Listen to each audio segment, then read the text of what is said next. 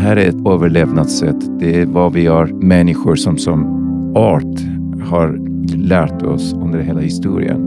Man inte kanske ska bli så deprimerad om man känner sig föremål för fördomar och diskriminering.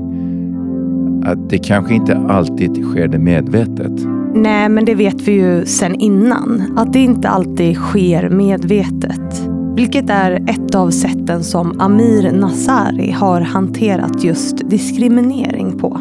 Han kom som kemiingenjör till Sverige från Iran. Kompletterade sin utbildning i Sverige för att kunna jobba men fick ändå kämpa i två och ett halvt år innan han fick ett. Diskriminering, ja det är något som han är van vid att hantera och som han idag också jobbar aktivt för att motverka som mångfaldscoach. Det här är ett avsnitt om hans resa. Om att jobba i motvind, om mansrollen, kärleken och att kämpa för alla människors lika värde. Men också om att det arbete han gör inte bara är ett integrationsprojekt utan en fråga om lönsamhet och att man som företag inte har råd att förbise kompetens. Och innan vi drar igång avsnittet så ska jag såklart fortsatt tacka min fantastiska sponsor Excitec. För tack vare dem, och då kan vi ju lära oss alla de här nya sakerna som vi gör i varje avsnitt. Så tusen tack för det, Excitec. Men nu, kära lyssnare, se till att lurarna sitter bra, vrid upp volymen och luta dig tillbaka. För här kommer ett avsnitt med Amir Nazar.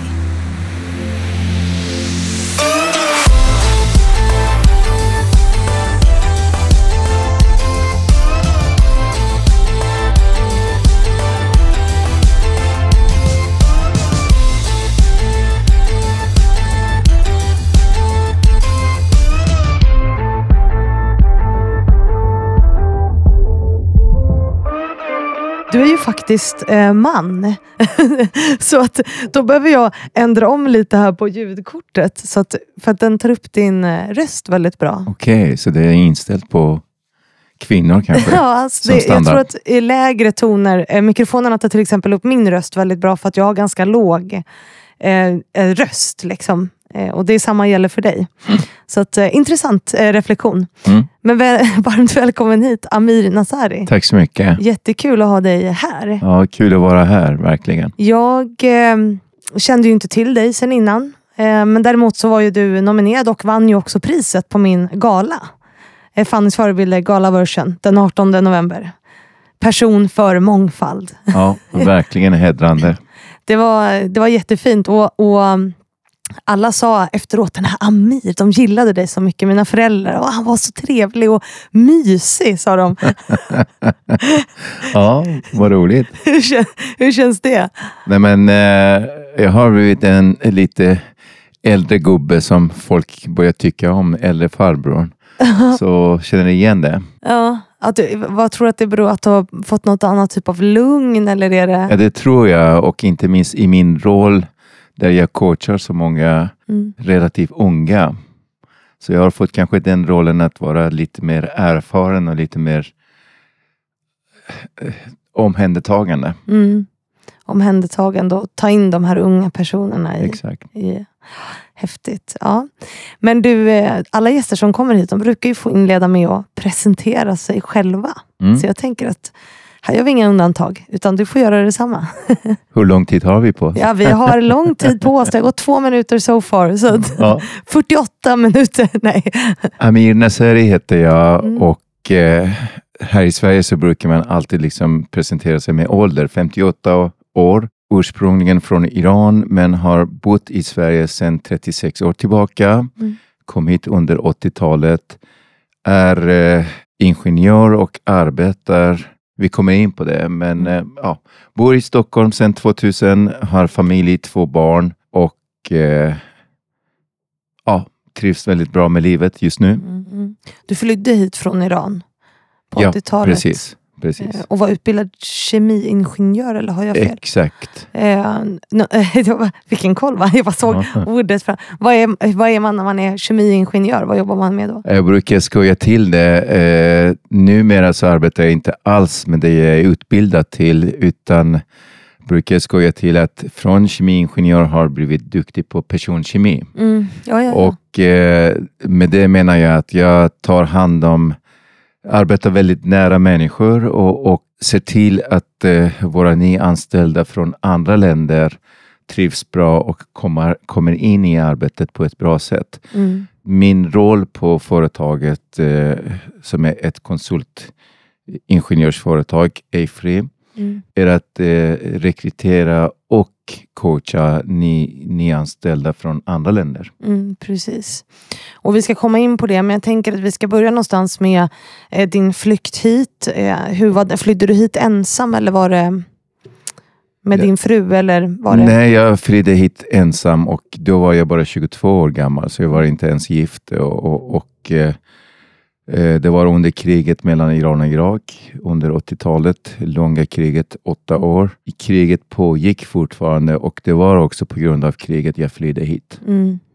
För att de ville rycka in dig i tjänst, eller hur var det? Precis. Ja. Jag kommer att berätta lite mer, men jag bodde nära gränsen till Irak, i södra Iran. Så redan i början av kriget blev jag drabbad av kriget, blev skadad i höften. Ja, visst fick du granatsplitter i, i benet på något sätt? Eller? Exakt, Ja. exakt. Så på grund av det så var jag egentligen, vad heter det?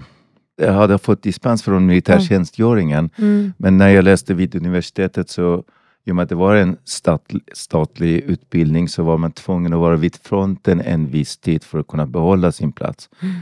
Och eh, jag vägrade och förlorade min plats och då fanns det ingen anledning att stanna kvar i landet och dessutom var det fortfarande väldigt farligt.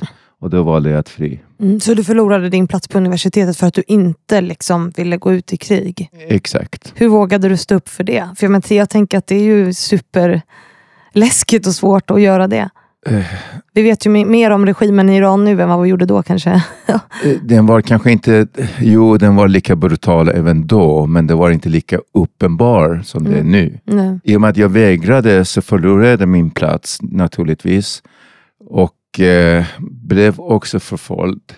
Inte på direkten, men hade jag stannat kvar i landet fanns det risk att jag skulle bli fängslad och, och, och eh, faktiskt kort efter, vilket har uppdagats i och med oroligheterna nu, Mm. Kort efter att jag flydde landet, många av de fängslade avrättades bara något år efteråt. Så att det fanns ju risk för det, Mm. att det ja, värsta skulle hända. Men, men det var inte, inte lika uppenbart och jag egentligen flydde landet på grund av att jag såg ingen framtid för mig längre i landet i och med att jag inte kunde vidareutbilda mig. Så det var lite för att kunna komma hit och bygga en framtid för, för mig själv. Inte för att jag var direkt just då som jag kände att jag var i livsfara. Hade du siktet på Sverige då direkt eller var det bara lämna Nej. landet? Det var bara en slump som Mm. eh, gjorde, gjorde det möjligt att jag, eh, gjorde att jag hamnade här. Mm. Och det var för att just då, just vid det tillfället dök det upp väldigt enkel, eh, säker och billig flyktväg för mig att ta mig till Sverige. Mm. Och så hamnade du här. Ja, Hur var flykten hit? Var det... det, den var väldigt odramatisk. Eh, Mm. I och med att jag hade fått dispens från militärtjänstgöringen så hade jag pass, giltigt pass. Och eh, kunde faktiskt flyga från Teheran Mm. eh, till Stockholm med mellanlandning i ett par länder. Men eh, det gick ganska snabbt och odramatiskt. Mm. Så jag kom hit eh, november 86, så det är ganska exakt 30, 36 år sedan. Mm. Och av alla ställen så småningom hamnade jag i Kiruna. Ja, i Kiruna, för du flyttade tillbaka hit, vad sa du, 2000 eller någonting sånt? Eller? Nej, till Stockholm kom du. Du sa ett årtal som jag inte kommer ihåg nu. Jo, jag landade ju i Stockholm. Ja. Och sen hamnade du i Kiruna och sen kom du tillbaka hit. Ja, Ja. men det var bara på flyktinglägret under första tiden. Så det är inte så att jag bodde där utan jag blev liksom tillskickad till, till eh, flyktinglägret i Kiruna. Mm. Och eh, Jag bodde där under just första vintern där det var dessutom kallaste på länge enligt folket där. Det måste varit en chock. Verkligen. Hade du sett snö förut? Eller var det... Definitivt. definitivt. Jag var, bodde, innan jag flydde hit bodde i Teheran och ja. där snöade ja, okay. eh, vintertid. Ja. Men ursprungligen från södra Iran som jag sa och där, där är det väldigt varmt och aldrig snö på vintrarna. Nej. Så att snön var väldigt ändå eh, exotisk och, och dessutom i den mängd som det var i Kiruna just då. Men det som var det mest liksom, annorlunda det var att det var mörkt hela tiden. Mm. Ja, det är det ju där uppe. Ja. Så du hamnade i mörka Kiruna på vintern med säkert 20 minusgrader eller exakt, ja, exakt. jättemycket snö och mörkt hela dagarna. Och mörkt hela dagarna ja. och dessutom ingen sysselsättning för Nej. att vi väntade på, på beslut för att det skulle avgöras om vi skulle stanna kvar och, och asylansökan skulle beviljas eller inte. Så det var inte så mycket att göra. Eh, tack och lov så hade jag fått tag i eh, svensk undervisningskurserna eller böckerna så jag kunde läsa på egen hand mm. och eh, ja, ha lite grann, eh, vad ska man säga, organiserad vardag och lite rutiner. Men annars var det bara att driva tiden under svåraste, svåraste tiden på året dessutom. Så det var många som gav upp och, och, och eh, mådde väldigt dåligt under just den här väntetiden. Mm. Så då lärde du dig svenska lite på egen hand här och liksom kom in i samhället? Eller liksom, hur var det att komma hit? Just då, så jämfört med vad det är nu, så avgjordes vårt ärende väldigt snabbt. Jag fick eh, statusen, flyktingstatus efter bara ett par månader. Och eh, då skickades jag till Ystad, till egen lägenhet, eget boende. Mm. Och då började livet på riktigt. Kiruna, Ystad liksom. Ja, ja. precis. Ja. Tvärs över hela landet. Jag kom till Ystad maj 87 och minns att jag eh, fick gå på SFI på en gång. Så svensk undervisningen började på en gång, men lite mer organiserat, strukturerat. Och fick en väldigt bra vardag, liksom bra rutiner. Mm. Och också kom i kontakt med många svenska vänner, eller fick, hittade, fick många svenska vänner ganska snabbt. Och på så sätt lärde mig svenska mycket snabbare, mycket, mycket ja, jämfört med kompisarna i alla fall. Eh, kom in i samhället. Ja, genom umgänget liksom. Så. Mm. Mm. Hur träffade du dem? Eller liksom... Eh, jag minns att eh, det fanns ett fredscafé i Ystad och vi fick tips om att gå dit och träffa folk. Och de som kom dit var väldigt nyfikna på nyanlända och ville hjälpa till och knyta kontakt.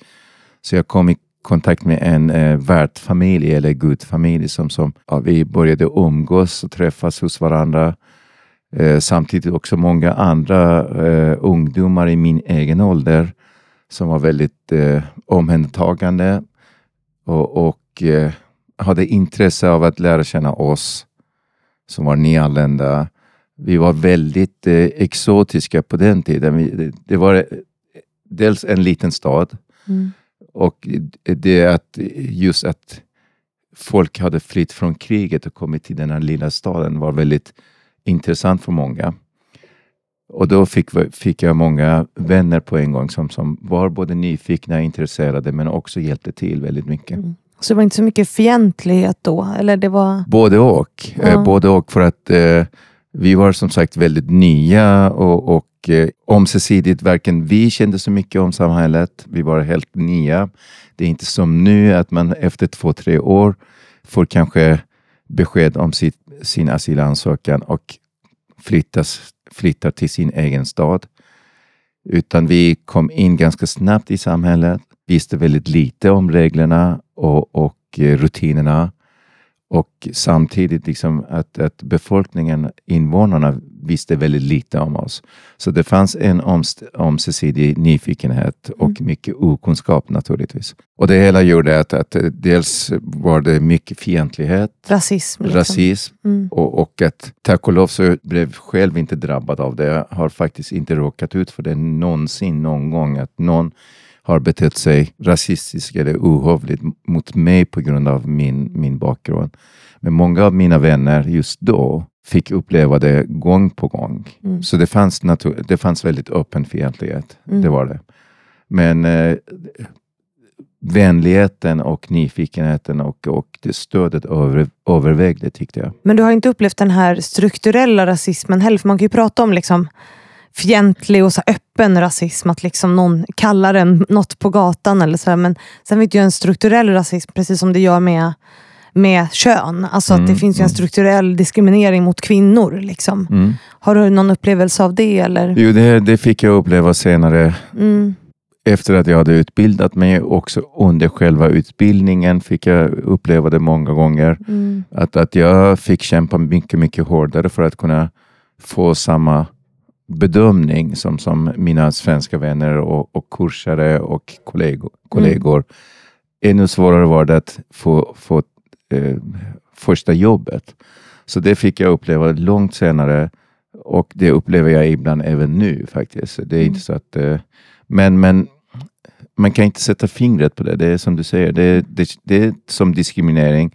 Det är en känsla man har Mm. och det går inte bevisa det eller motbevisa det. Nej, och det där är ju supersvårt för hur vet man eh, själv om man till exempel har blivit nekad ett jobb för att man heter Amir? Alltså så här, det är ju, för det händer ju tyvärr. Mm, eh, mm. Precis som det händer kvinnor så är det, det är ju samma typ av liksom strukturer på Mm. något sätt. Mm. Det är supersvårt att veta och Mm. sätta fingret på det när, när det sker utan att man vet om det på något sätt. Nej, men jag fick uppleva det många gånger och, Mm. och jämfört med mina svenska vänner som vi gick samma utbildning och blev klara samtidigt fick jag första jobbet långt senare, första riktiga jobbet. Jag Mm. fick ju lite andra jobb, projektanställning eller som lärarvikarie och lite teamanställningar. Mm. Men första riktiga jobbet fick jag inte förrän två år efteråt att jag hade gått färdig utbildningen och fick faktiskt vidareutbilda mig på grund av att det inte fanns någon riktigt jobb eller inte hade hittat ett riktigt jobb. Så jag stannade kvar och läste vidare. Ja, men precis, för du avslutade ju, du fick, blev ju liksom tvungen att avsluta dina studier tidigare i Iran.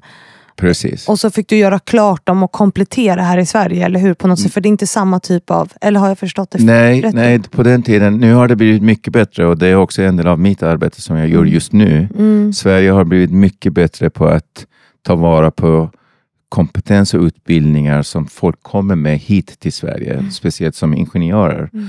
Man kan faktiskt, har man en färdig examen, ingenjörsexamen, så kan man söka jobb på direkten och många gånger också få jobb. Mm. Nu, är det, nu skriker man efter ingenjörer, duktiga ingenjörer. Men på den tiden fick man gå om hela utbildningen mer eller mindre. Eh, det godkändes inte. Det var inte lika liksom, vanligt att, att, att man kom hit med en ingenjörsexamen från ett annat land.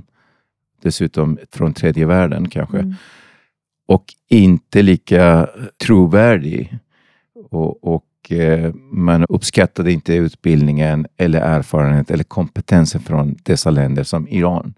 Så man fick gå om kanske den officiellt var godkänd utbildning, inte fullt ut, man behövde komplettera, men man hade väldigt liten chans att kunna lyckas på arbetsmarknaden och få ett bra jobb. Mm. Så man var tvungen att göra om, gå om hela utbildningen mer eller mindre. Ja, för du gjorde ju det. Sen fick du kämpa, vad är det, två och ett halvt år eller till jag för mig, för att liksom ens få ett jobb. Exakt, första riktiga jobbet. Jag Mm. började min utbildning i Lund, började om min utbildning egentligen. Från det att jag hade gått kanske större delen av det i Iran, så började jag om från början 89 och blev klar 93. Men fick inte första riktiga jobbet förrän 96, 95, mitten på 95 i alla fall. Och då var det långt bort från där jag bodde. Jag bodde fortfarande i Lund, men fick flytta till Söderhamn och fick göra mycket uppoffringar för att lyckas komma in på arbetsmarknaden för att det var ändå ett ingenjörsjobb, en kemiingenjörsjobb och väldigt värdefullt för mig. Fick övertala min fru. På den tiden hade jag gift mig. Min fru var också ganska ny i Sverige. Hade precis kommit. Och, och vi fick flytta långt ifrån våra vänner och, och där vi hade etablerat oss. Och det, var, det kändes som att man fick fly igen eller att komma till ett, ett ja, börja om från början igen. Fast ni hade byggt ett liv här och så var ni tvungna att lämna det liksom på nytt. Precis. Var det din bakgrund då som gjorde det svårt för dig att... Jag misstänker det. Jag kan som sagt inte hävda det liksom rakt ut och inte, inte kanske kan argumentera om det. Men, men återigen, jämfört med många andra vänner, ungefär samma eh, ålder, samma utbildning och också samma meriter så fick jag första jobbet långt senare än alla andra. Vad sa de om det? Dina vänner? Nej, men de beklagade det och, och många gånger de som var väldigt, stod mig väldigt nära och, och stödde mig väldigt mycket, de skämdes. Det, speciellt de som, som var svenskar, etnisk, etniska svenskar, skämdes lite över det att jag inte hade lyckats lika bra som dem. Mm. mm. Det, det, är väl bra på sitt sätt, skulle jag på att säga. Att, att de hade den typen av ansvarskänsla, tänker jag. Mm. Men då fick ni lämna och flytta till Söderhamn. Exakt. Och vad hände sen? För sen hamnade ni här i Stockholm till slut. Eh, så småningom. Ja. Men det var också en väldigt tuff tid i Söderhamn. Det är återigen att komma till ett litet samhälle. Mm. Eh, från att ha bott i ett väldigt internationellt, internationellt stad som, som Lund. Och där trivdes man väldigt bra. Och eh, där var det inte alls annorlunda att ha en utländsk bakgrund och hade hela sitt omgänge, hela sitt, sitt, alla sina vänner. Komma till ett litet samhälle, genbrukssamhälle, där man var återigen väldigt annorlunda väldigt utpekat. Där kände jag faktiskt betydligt mer både öppen rasism men också fientlighet. Inte att det riktades direkt mot mig, men det kändes hela tiden. Mycket, mycket mer än första tiden i Sverige faktiskt. Mm. Det är som en ytterläskigt, eller hur? Mm. Ja, men då, som... då förstod jag också mycket mer av samhället. Visste, mm. för att första tiden i Sverige, i Ystad, då var jag inte lika medveten om vilka vad det innebar, alltså hur rasismen, den dolda och den öppna uttrycker sig. Men då hade jag blivit medveten om det när jag väl flyttade till Söderhamn. Då hade jag bott i Sverige i sju, åtta år mm. och visste om, om, om mentaliteten, svenska mentaliteten. Hur uttrycker det sig när, när det inte gillar en, en främling och en, en, en person, en individ. Mm. Och det kände jag mycket tydligt. Det kände du av då? Ja. På vilket sätt då? Alltså man tittade på dig eller att det var? Eh, dels att när man gick på stan, äh, att, att äh, man var väldigt uttittat. Men framförallt på jobbet kände jag också nu vet jag inte, kanske gamla kollegor hör det här mm. och, och det är inte riktat mot någon mm. person, någon individ. Men äh, återigen fick jag väldigt tydligt uppleva att jag fick kämpa betydligt mer.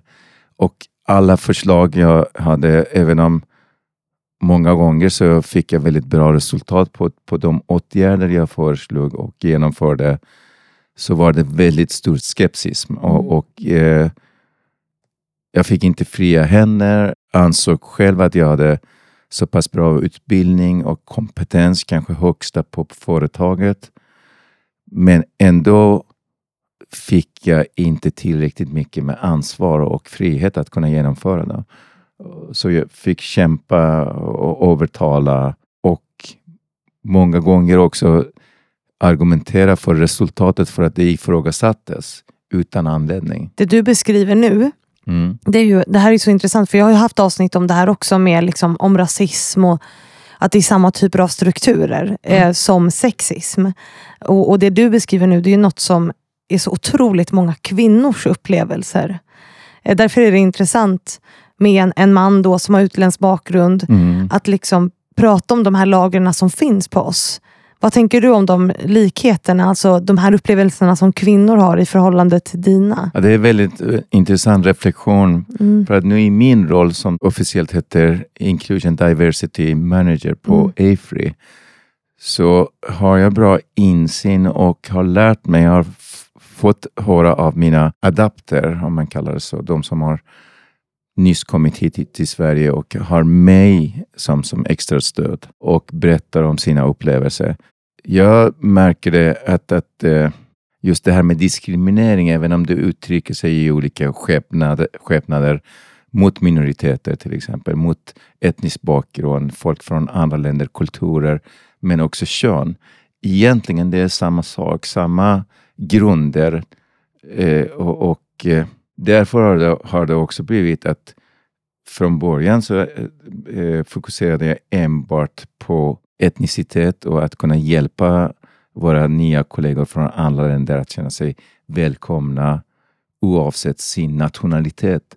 Men nu har vi insett att eh, det inte är enbart etnisk bakgrund utan det kan handla om kön, det kan handla om eh, ja, alla de här sju olika diskrimineringsgrunderna. Och tar man tag i en, en eh, av, av eh, vad ska jag säga, diskrimineringsfall så kommer man lätt in på alla de sju andra också. Så att eh, det går inte att sära på dem. De, de är väldigt fastknutna till varandra och, och blir man diskriminerad, alltså de som diskriminerar eh, andra individer på grund av nationalitet till exempel, kan mycket väl också diskriminera andra individer på grund av rörelsehinder, religion, klädsel, kön och så vidare. Mm.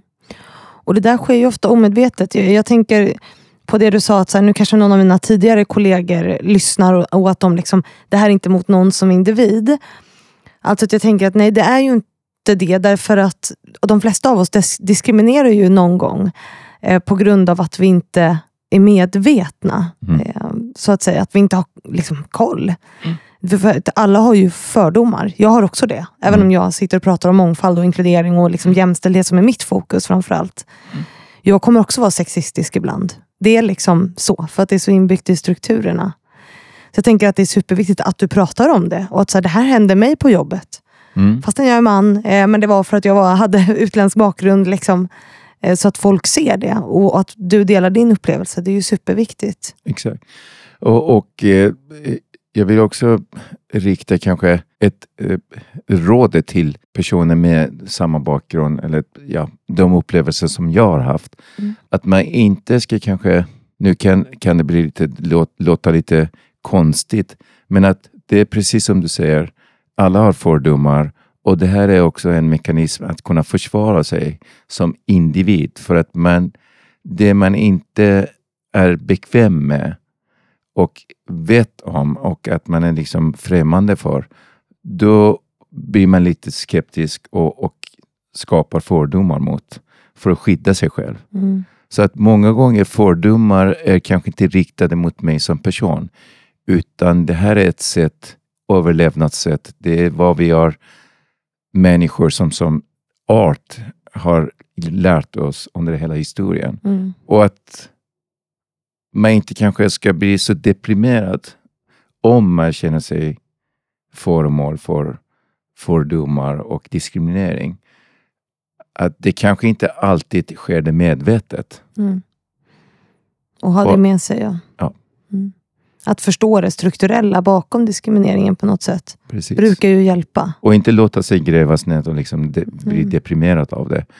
Naturligtvis ska man försöka, hela samhället egentligen, motarbeta alla fördomar naturligtvis och göra folk medvetna om sina fördomar till att börja med. Men sker det att jag som person känner mig diskriminerad så ska jag ändå inte ge upp. Fortsätta kämpa. Ja. Och nu har vi ju varit inne lite mm, grann på vad du gör nu, men jag tänker ändå att vi backar tillbaks. För du var i Söderhamn, du jobbade då som kemiingenjör. Och det var inte jättekul. Du blev utsatt för rasism och liksom hamnade i ett samhälle som inte var jättevälkomnande. Vad hände sen? Eh, hur, hur hamnade du här? Liksom? Till saken hör också att vi bodde i Söderhamn första tiden, kanske bara ett par månader, medan min fru som hade påbörjat sin utbildning i Lund fick flytta den utbildningen till Gävle. Mm. Och hon fick pendla under tiden, de här första månaderna. Det är en Från- bit att pendla. Det är en bra bit, precis. Ja. Till slut så bestämde, bestämde jag, för att vi dessutom i kombination med att vi vantrivdes i Söderhamn, inget ont om staden som sådan, men Nej. Vi upplevde att vi hade brutit upp våra rötter igen och kommit till en liten stad och där vi saknade väldigt mycket av det sociala, kulturella, lite omgänge.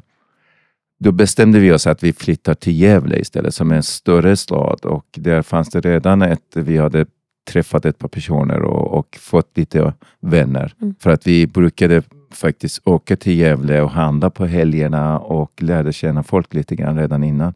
Mm. Så bestämde vi att flytta till Gävle efter bara ett par månader så att hon skulle ha nära till sin utbildning och jag fick pendla till, till Söderhamn dagligen. Och eh, så småningom blev min fru klar med sin utbildning. Så var det precis. Mm. Det här pågick eh, sammanlagt i två år. Att jag jobbade i Söderhamn sammanlagt i två år. Under tiden blev min fru klar med sin utbildning och då började hon söka jobb och till slut hittade hon jobb i Stockholm. Samtidigt dök det upp också en, en möjlighet för mig. Då hade jag fått lite erfarenhet och, och eh, meriter från arbetslivet och, och, och eh, hade fått eh, rollen som produktionsansvarig på eh, jobbet i Söderhamn. Mm. Samtidigt dök det upp en eh, liknande position fast inom en annan bransch. Eh, fjärrvärme i, eh, i Stockholm. Och då sökte jag tillsammans med massa andra jobb egentligen. Jag kan återkomma till det. För att det blev en ny omgång återigen att komma in på arbetsmarknaden. I Nu var det lite högre position Mm. och dessutom i en väldigt hetare område i Stockholm. Så var det återigen väldigt svårt att bryta igenom. Och samma sak upplevde jag där. att Nu hade jag mycket tuffare att komma in på den här nya marknaden än, alla, än mina motsvarande motsvarigheter. Eh, så att den här strukturella eh, diskrimineringen fick jag uppleva. Att komma in på arbetsmarknaden på Mm. nytt. Och sökte massor med tjänster för att då ville vi flytta till Stockholm. Och då var, vi tvung, då var jag tvungen att liksom hitta ett nytt jobb. Mm. Till slut så lyckades jag med, med den här tjänsten som fjärrvärmechef i, i, i Stockholm. Då flyttade vi och min fru började också som ingenjör, dataingenjör på sitt jobb år 2000. Och eh, då eh, köpte vi rathus och, och eh, stadgade oss. Liksom det, då kändes det som att livet började på riktigt och Mm. nu hade vi utbildningen bakom oss, liksom den fasen. Och nu var det yrkeskarriär eh, karriär och yrkeslivet som började. Det var nästa resa så att säga. Precis. Eh, och sen gick det, när, när hamnade du på Avri eller Evry som du säger? Det var 2016, så det var långt efter att eh, jag flyttade till Stockholm. Mm. Och eh, mellan Afri och första jobbet i Stockholm så är det flera steg och flera jobb. Mm. Och just att jag fick den här rollen på Afri, den är också väldigt eh, intressant och samtidigt känns som, som självklarhet nu, numera efteråt.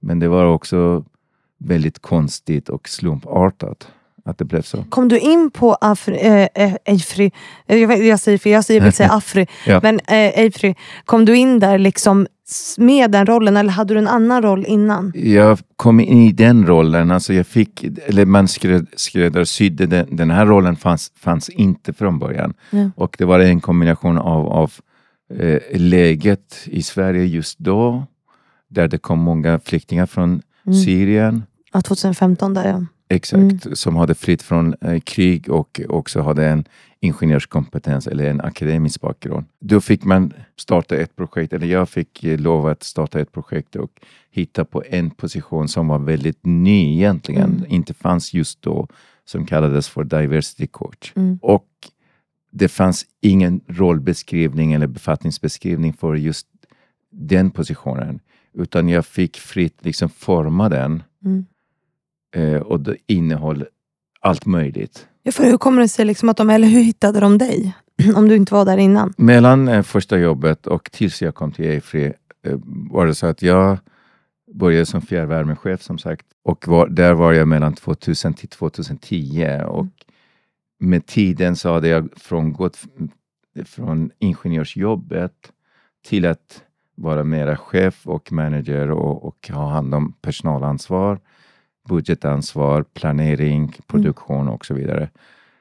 Och det gjorde att jag så småningom sökte jobb som teknisk chef på kommuner. Mm. Först hamnade jag i Sundbyberg och eh, efter ett par år i Järfälla. Och de två rollerna, alltså det har varit kämpigt nu när jag sitter och pratar om det och tänker efter. Hela yrkeslivet Mm. har varit väldigt utmanande och eh, det har varit en kamp hela tiden. Det är inte så att jag har kunnat slappna av någon gång. Hela tiden har jag känt mig tvungen att prestera mer.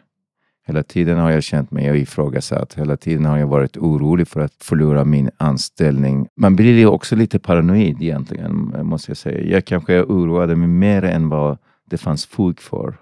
På något sätt har jag blivit medveten om att mina misstag uppfattas och, och eh, uppmärksammas mycket, mycket mer och kan få mycket större konsekvenser. Till exempel att jag förlorar min anställning. Mm.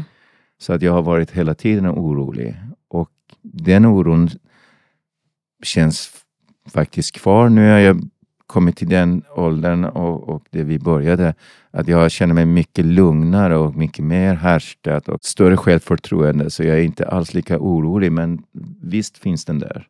Mm. Nu kan jag inte säga att hur det är för en etnisk svensk i min position och om det finns lika mycket oro vad gäller anställning och vad gäller karriären kontra liksom att kunna att göra bort sig. Mm. Men jag har kämpat hela tiden och, och eh, när jag tänker tillbaka på tiden i, i, som fjärrvärmechef men också som teknisk chef eh, sammanlagt i 15, 14, 15 år så har det varit en kamp. Inte att kunna slå sig till ro någon, någonstans och eh, kunna njuta av tillvaro och njuta av sitt jobb. Så att jag har sökt mig vidare hela tiden. Mm. Anledningen, alltså anknytningen till Afry, Mm. bara för att förklara det. Som teknisk chef så hade jag hand om infrastruktur och planering för, för bland annat cykelinfrastruktur i och med att jag själv är väldigt intresserad av cykel och är cyklist. Då, då blev också min kompetens mycket mer, kanske från att varit kemiingenjör, blivit, blev mer teknisk och, och, och samhällsplanering och, och infrastruktur. Och då dök det upp också 2015 eh, en eh, tjänst som projektledare inom infrastruktur på dåvarande ÅF. Mm. Ja, det var OF då ja. Ja. Mm. Så jag sökte den tjänsten eh, och hade rätt bakgrund egentligen med allt jag hade skaffat mig under de senaste åren som teknisk chef. Så jag var en stark kandidat till tjänsten och var på flera intervjuer. Men det som var väldigt intressant i sista intervjun innan jag fick besked om, om ja, anställning så fick jag ett förslag. Då hade kommit nyanlända flyktingar från Syrien med akademisk bakgrund till Sverige, ganska många. Och det hade blivit känt och också omtalat. Och då väcktes intresse hos min VD att få in de här nyanlända för att eh, ingenjörer är ju bristvara. Mm. Alltid har det varit. Kunna hitta, attrahera och eh, utbilda och anställa de här duktiga nyanlända på ÅF. Och då fick jag i förslag att starta, att, att just arbeta eh, målinriktat mot de här individerna och den här kategorin. Det var ett förslag och eh, vdn på bolaget tyckte att min bakgrund som, som flykting en gång i tiden har flytt från kriget och också min utbildning som ingenjör gjorde att jag var mycket mer lämpad för att starta just det här projektet än att vara projektledare inom infrastruktur. Och eh, det var inget lätt val. Jag tyckte att jag egentligen förlorade all min eh, kompetens och identitet som ingenjör och skulle börja med någonting som jag inte hade någon erfarenhet av och eh, inte alls levde upp till mina förväntningar och min eh, förväntning på status och karriär. Eh, men samtidigt så lockade det väldigt mycket. Det var intressant eh, och det var också av naturen, alltså eh, eh min egen liksom personlighet, att kunna hjälpa andra låg också väldigt nära till hands. Mm. Så jag tackade ja till, till det erbjudandet, även om jag var väldigt skeptisk till det. Och, och eh, satte egentligen mer eller mindre, som jag upplevde då, hela min karriär på spel. Mm. För att det kunde misslyckas lika väl och då hade jag ingenting att falla tillbaka på. Har det här med karriär varit väldigt viktigt för dig? Det är det. det, är det. Och, och Mm. det har kanske lite grann med den persiska kulturen att göra. Mm. Just den titeln och status och position man har på jobbet Blir en del av ens identitet, personlighet. Mm. Fel eller rätt? Många gånger fel naturligtvis. Det ska inte egentligen betyda någonting vem jag är som person. Mm. Men kulturen, man är uppfostrad till att ha e- ett bra jobb, bra position, bra status.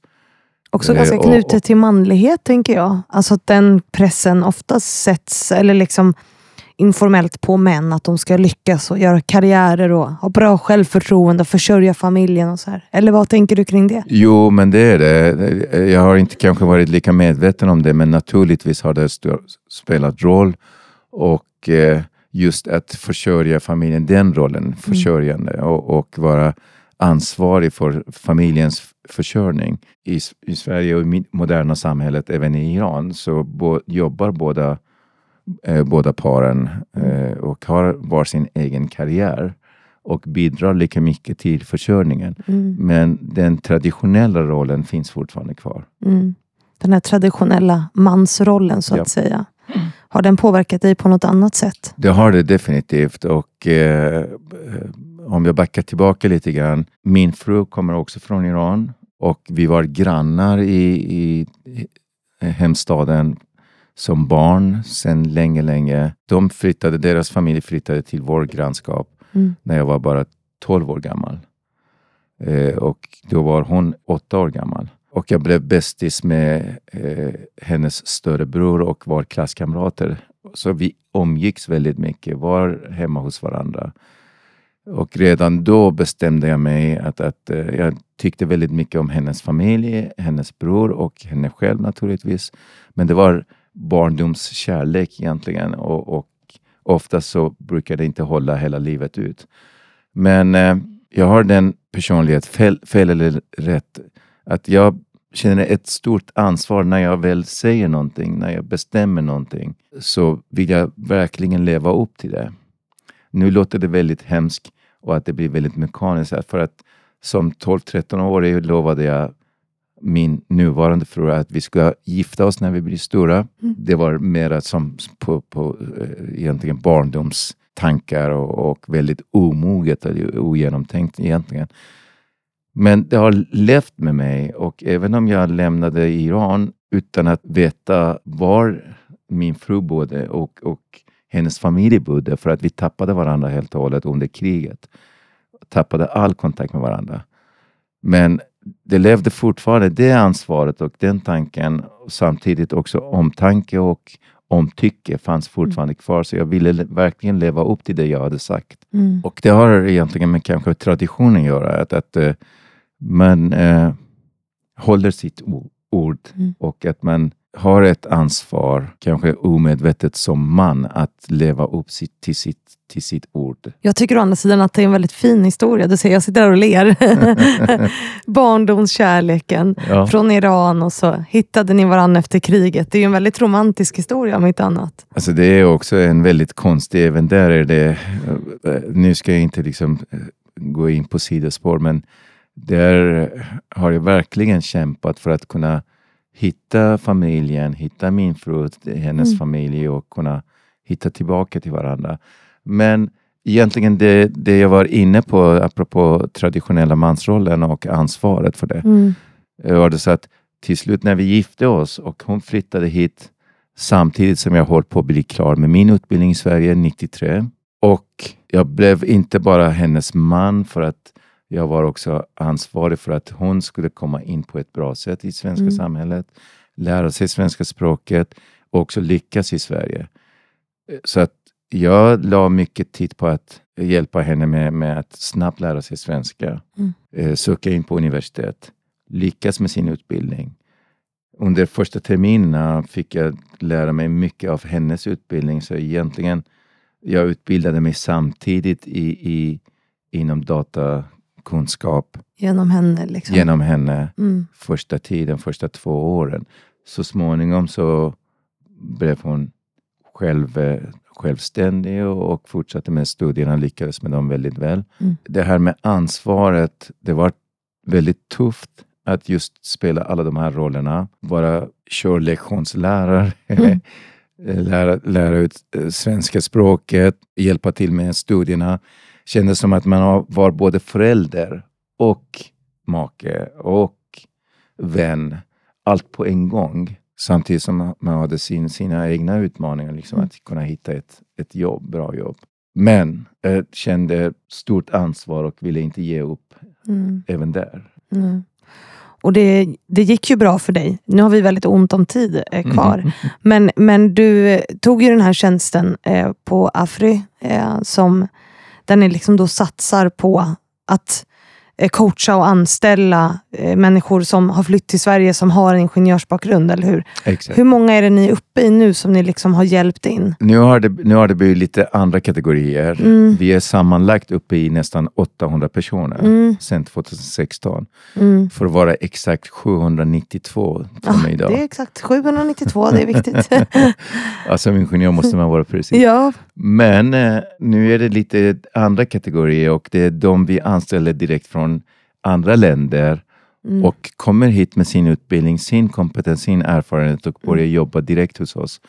Medan första tiden var det de nyanlända som redan befann sig här i Sverige och Mm. hade kommit hit som flyktingar, hade inte utvärderat sin examen. Det var lite andra rutiner och andra krav Mm. eh, just 2016 än vad det är nu. Och att eh, många gånger hade de här nyanlända som hade kommit som flyktingar inte ens sitt examensbevis med sig, Nej. sina handlingar med sig. Mm. Så det var stora utmaningar att just kunna värdera deras kom- kompetens Mm. och att hitta rätt jobb och uppdrag åt dem och samtidigt fi- finnas till hands för varje individ, varje enskild individ att hjälpa till med alla myndighetskontakter, samhällsrutiner, arbetsmiljö, kultur och eh, kontakt Mm. eh, med kollegor på jobbet. Men också lära ut svenska standard, tekniska standard. Ja, det där kommer ju med jättemycket utmaningar, men, men det är ändå en fråga som jag vill så avrunda med innan Mm. vi stänger av. Och Det är också en fråga från min sponsor Excitec. Eh, alltså, för du nämnde innan här att du, du har varit målmedveten, du har gått ifrån dina liksom, mål, eh, liksom, att du ska bli chef och så vidare, göra karriär. Du är ingenjör. Mm. Så sa du att du har gått ifrån att jobba med eh, som kemiingenjör till att jobba med personkemi. Alltså, jag får känslan av att du har gått lite utanför din ram som är liksom för mig, nu gör jag såna här tecken för er som lyssnar, Mm. ingenjören som går raka vägen, liksom siffror och så vidare, det är viktigt. Till att liksom kanske lämna det lite. Mm. Och till att jobba med människor som inte är siffror som gör precis som man vill hela tiden. Vad har varit den största utmaningen med det för dig? Den största utmaningen är att ge sig hän, liksom att, att också kunna eh, vara trygg i att man behärskar och klarar av mycket mer än vad man Mm. tror. Mm. Och också våga och gå utanför sin komfortzon och prova nya saker som man inte är riktigt bekväm med och inte kanske behärskar, tror sig behärska. Och därigenom prova något nytt, uppleva något nytt och uppleva samtidigt att man växer och utvecklas själv. Mm. Återigen gå, gå utanför sin komfortzon, få nya erfarenheter eh, och, och, och utvecklas som person, som Mm. individ Mm. men också i sin yrkesroll. Häftigt. Du, eh, vi måste avrunda nu. Hur känns det? Det känns att tiden har gått väldigt fort. Ja, den gör ju det när man har roligt. Vet du. Det, det har bara swishat förbi nästan en timme här nu. Jag tycker att vi har täckt jättemycket. Eh, Vad roligt. Så att jag, jag vill bara säga tack för att du har varit här. Tack själv och återigen en stor eh, ära att, att kallas för din förebild. Ja. Jag vet inte om jag är en förebild, men, men det är väldigt hedrande Mm. att kallas det. Tack för att du kom hit. Tack själv, Fanny. Och tusen tack till alla er som lyssnat på veckans avsnitt. Jag hoppas ni får en bra vecka och så hörs vi ju på onsdag igen, precis som vanligt.